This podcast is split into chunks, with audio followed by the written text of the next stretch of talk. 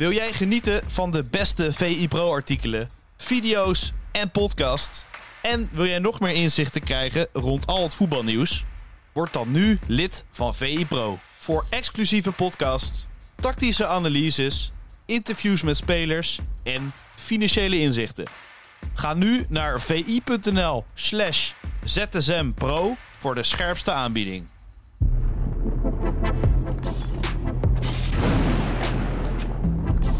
Ja, Martijn, goedemorgen en welkom bij uh, VIZSM van uh, vrijdag. Je maakt je debuut hè, in deze rubriek. Ik maak mijn debuut. Uh, dat je ooit nog eens kon, nog, nog kon debuteren. Je denkt, je hebt alles gedaan bij VI. Eerste divisie, persoonlijk, een bureauverhalen, noem heel de rambam maar op. Maar dit nog niet, dus ja, een beetje gespannen toch wel. Jij weet al Het is niet zomaar wat natuurlijk. Nee, jij weet al welke opmerking ik nu ga maken natuurlijk. Dat ik kleine oogjes heb.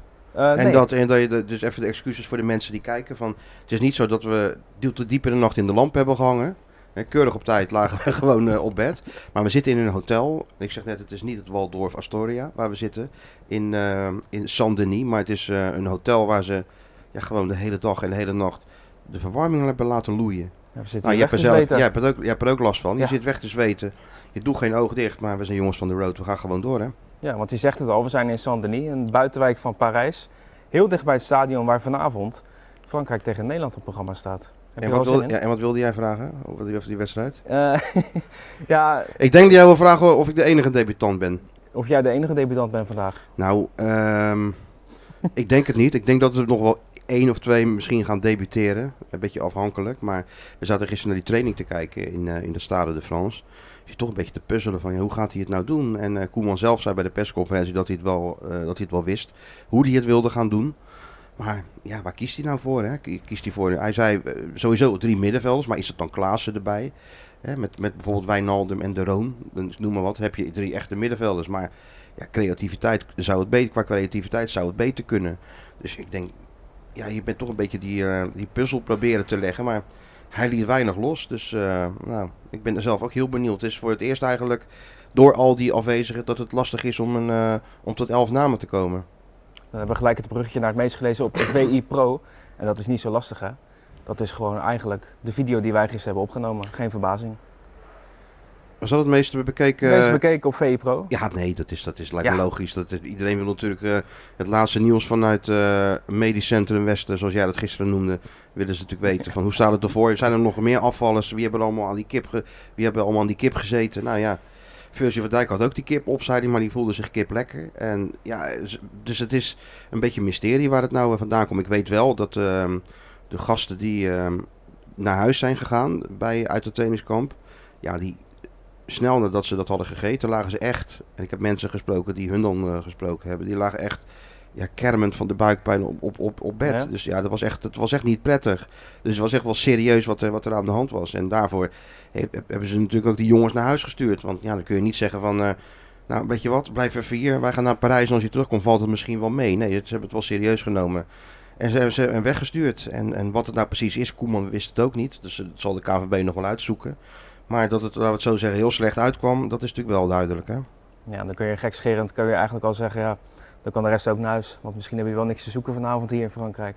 Nou, wij zeiden het gekscherend toen Frenkie de Jong al niet meeging. Van ja, wat moet je nou zonder uh, je regisseur hier in, uh, in Parijs tegen de, uh, de vice-wereldkampioen die met tien spelers gaat spelen die er tegen Argentinië ook bij waren. Maar je weet het niet hè. Fransen zeggen zelf voet, het kan alle kanten op. En misschien heeft... Wie zei dat ook alweer? Henri Michel. Ja. Toen uh, Thijs Slegers, toen was hij net uitgeschakeld met Ivoorkust. Al die woedende uh, Ivoriaanse journalisten in die, uh, in die beneden, was in tijdens het WK in Duitsland. En die Henri Michel die leunde een beetje zo tegen een, muurtje en die keek het zo een beetje om zich heen.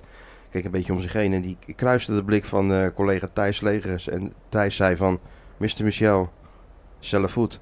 En Mr. Michel gaf alleen een hele dikke knipoog van, jij snapt het jongen. Dat kan verkeren in, uh, in voetbal. Dus uh, dat kan vanavond natuurlijk ook zo weer gebeuren. Je weet het niet, hè? Of andere spelers opstaan. En er is altijd wel uit, wat uit wedstrijd te halen. Ik geloof niet dat je kunt verwachten en, en, en mag verwachten van dit Nederlands zelf dat ze van Frankrijk gaan winnen. Maar je mag wel andere dingen verwachten. Hè? Bedoel, de intentie, hoe gaan ze spelen? En is, het, is het met een beetje lef? En uh, waar zetten ze een druk? Weet je, dat soort dingen, daar gaan we op, op letten. En dan kun je best vriezen. En toch een redelijke wedstrijd spelen. Het was natuurlijk 4,5 jaar geleden hier ook. Toen verloren ze met 2-1, maar toen lieten ze zich wel weer, weer zien na eh, een paar van die ellendige jaren zonder grote toernooien. Ja, terwijl jij nog een slok van je heerlijke koffie neemt, zullen we het over Steven Berghuis gaan hebben. Want daar ging het gisteren over op de persconferentie. Ronald Koeman was eigenlijk vrij duidelijk. Hè? Hij ziet hem als rechtsbuiten. Ja, heel gek hè? Terwijl ze in Amsterdam dan zoiets hebben van, eh, nou dat kan niet hoor. Nee, dat kan niet. Bij Ajax kan hij niet. We kan bij Feyenoord jarenlang eh, rechtsbuiten spelen en kampioen worden. En elk jaar de meest scorende of de meest bepalende speler zijn qua statistieken.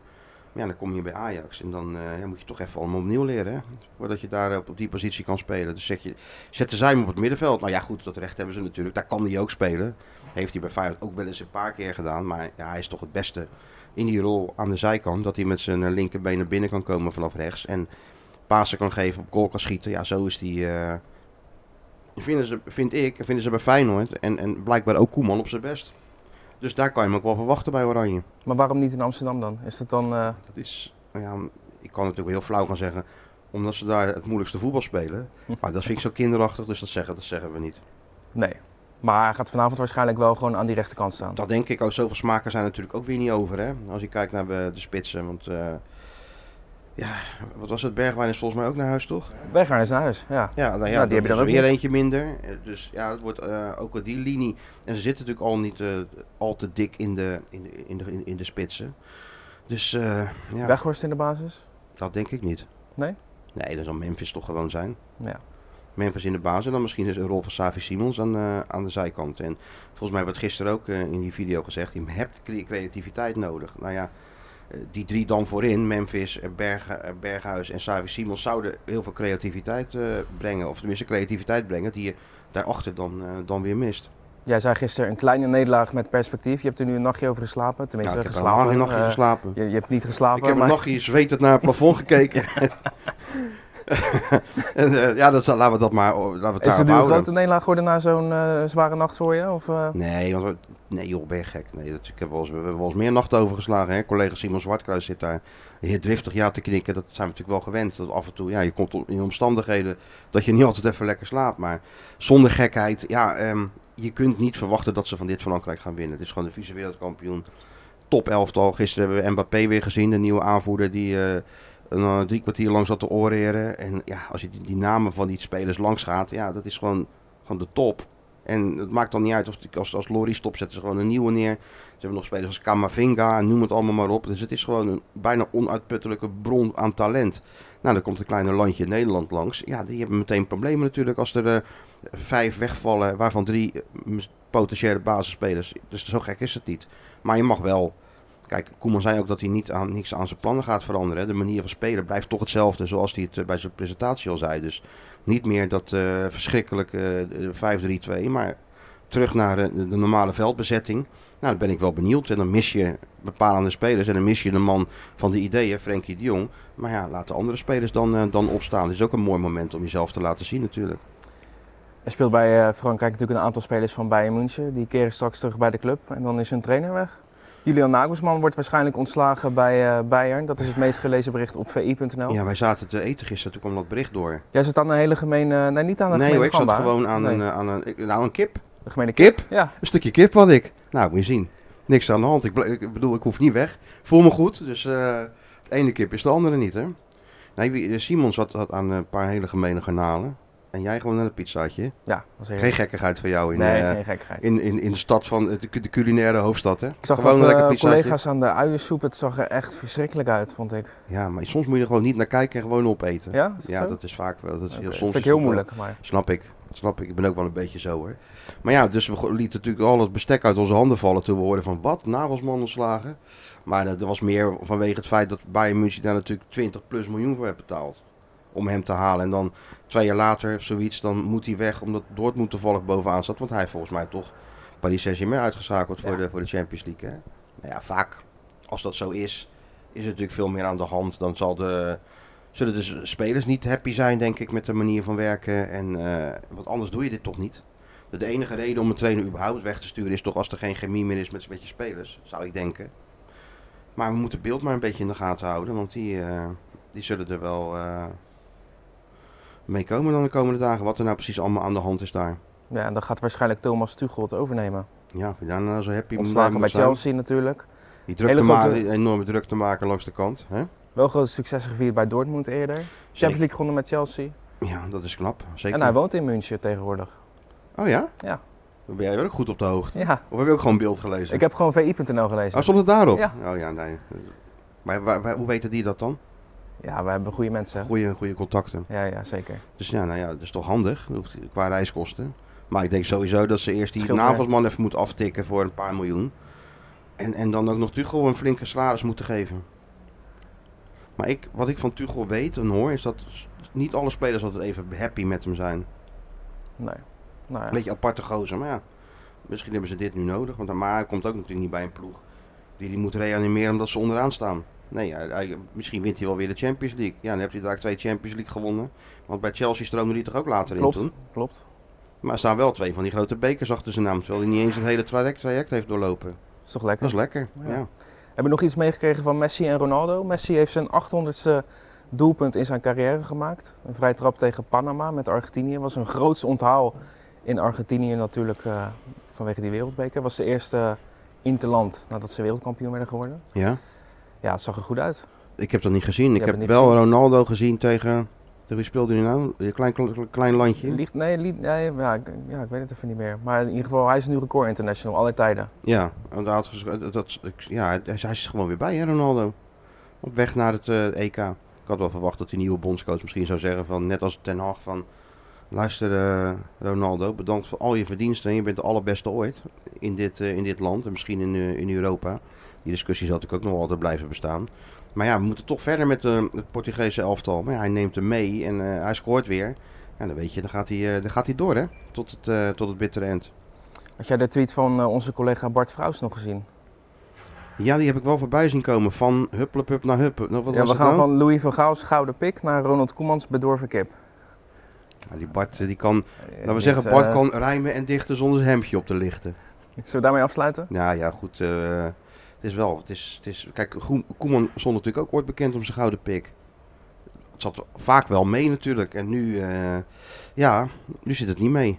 Maar Koeman heeft ook één ding, dat hij onder alle omstandigheden, hoe moeilijk het ook is, altijd wel eh, ja, van ja, iets weet te maken, weet je. Dus eh, ja, dus daar hebben we toch ook wel weer vertrouwen in. Hartstikke ervaren. En hij zal ook naar die andere dingen kijken waar wij het hebben over, over hebben gehad. Tuurlijk wil je het resultaat. Maar als het resultaat er niet is, dan probeer je toch, eh, kijk je toch naar je elftal hoe het zich ja, houdt hier zo in het. eh, want het is uitverkocht, hè, Stade de France.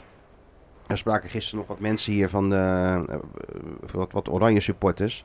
Die hier aan, aan de bar hingen. En waar wij ons kaartje zo gewoon gaan ophalen bij het stadion. Kon jij ze verstaan, die mensen? Ja, nou ja, ik kon ze wel verstaan. Oh, ja, die waren een beetje. maar, maar ja, die mensen waren natuurlijk ook een beetje emotioneel. Want die moeten, geloof ik, acht kilometer verderop tickets ophalen. In een soort eh, Ierse, pub. Dus er gaan, zijn er 2400, zei die meneer. Nou, dus 2400 man, 2400 Nederlandse supporters gaan dan naar een Ierse pub. Ergens 5 kilometer van Parijs. Ja, om dezelfde tijd ook. Allemaal om dezelfde tijd.